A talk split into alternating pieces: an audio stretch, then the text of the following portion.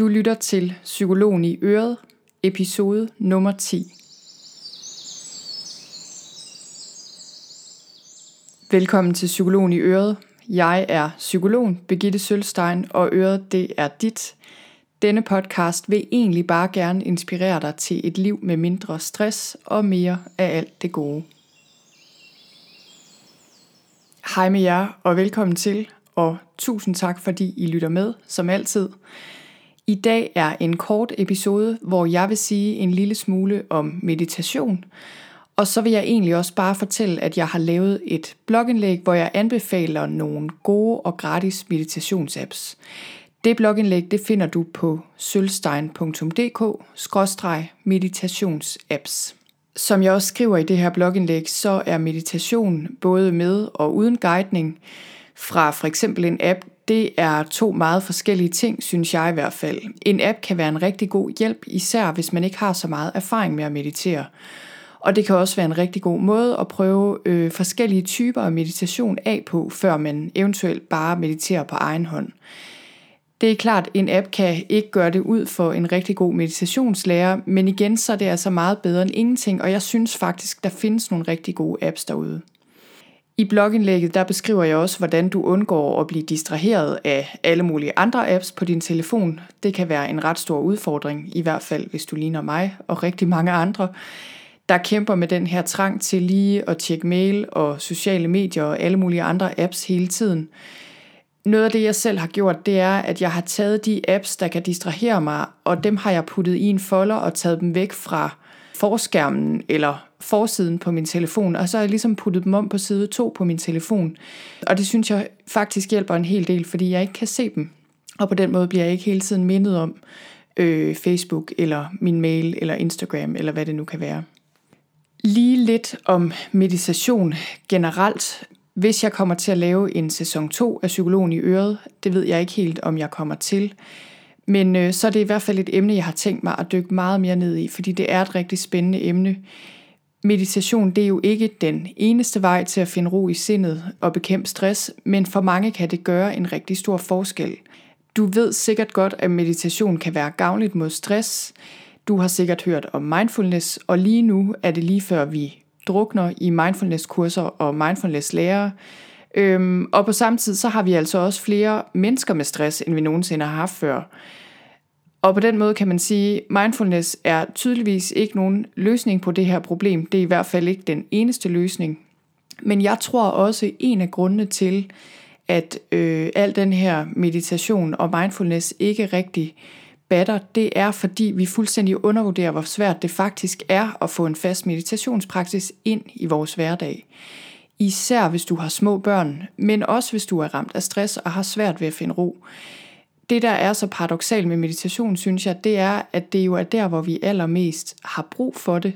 At det kan være allersværest at finde roen og samle os om det, og derfor giver vi hurtigt op. Der er helt sikkert rigtig mange måder, vi kan hjælpe os selv på til at få et liv med mindre stress. Øhm, meget af det handler om at skrue ned for tempoet, både på ydersiden af livet, men også på indersiden, og faktisk prøve at være mere nærværende i det liv, vi har. Men meditation kan være en kæmpe hjælp, og hvis du har lyst til at forsøge dig med det, så kan jeg virkelig anbefale dig at tage på et godt kursus i meditation, eller endda måske tage på en retræte, øh, eller tage ud i naturen i længere tid. Det kan være sådan en rigtig god kickstart. Og så kan en app altså også være en god hjælp. Jeg tror, det er rigtig vigtigt lige at overveje, hvad formålet med meditation overhovedet er som jeg ser det, så er det rigtig vigtigt, at vi ikke bare mediterer som sådan en eller anden overlevelsesstrategi, så vi lige kan klare en hverdag, der bare overhovedet ikke hænger sammen. Det er meget bedre, at vi sørger for at ændre noget i den hverdag, hvis vi ellers kan, så den bliver mere realistisk. Men det er altså sådan lidt hønen og ægget. Jeg oplever tit, at det er noget med, at vi må starte med at arbejde på at få noget indre ro, før vi så kan foretage de her ændringer i livet, som vi måske har brug for. Andre gange er der bare ting i vores liv, som vi ikke kan ændre på, men som bliver meget nemmere at håndtere, når vi får fat i vores egen ro indeni.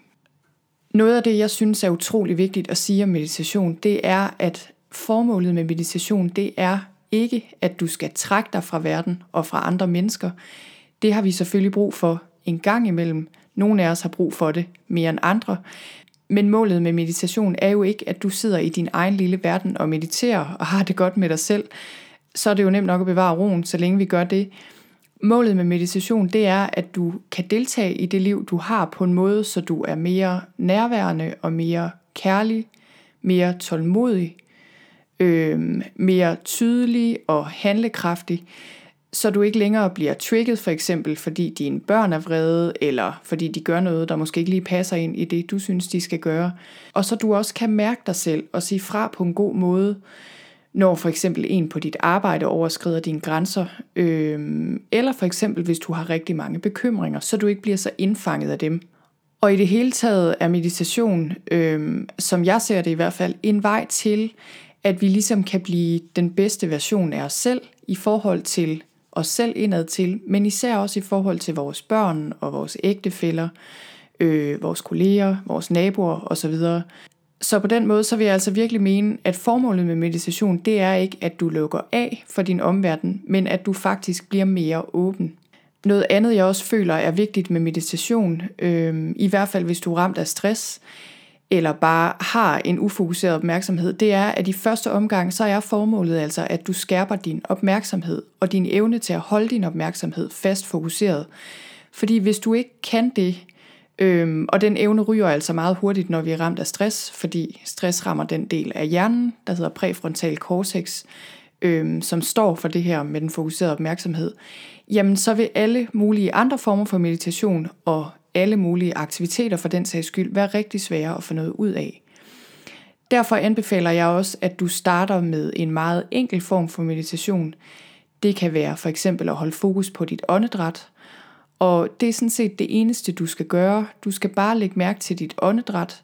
Du skal ikke anstrenge dig overdrevet meget for at holde det her fokus, men på den anden side skal du heller ikke slappe så meget af i meditationen, at du falder i søvn eller mister fokus.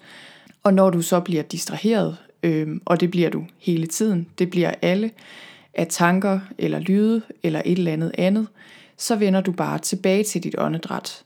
Du kan også vælge et andet fokus end lige åndedrættet, men for rigtig mange er det et godt sted at starte. Men der er også andre måder, du kan opnå de her effekter, som meditation har.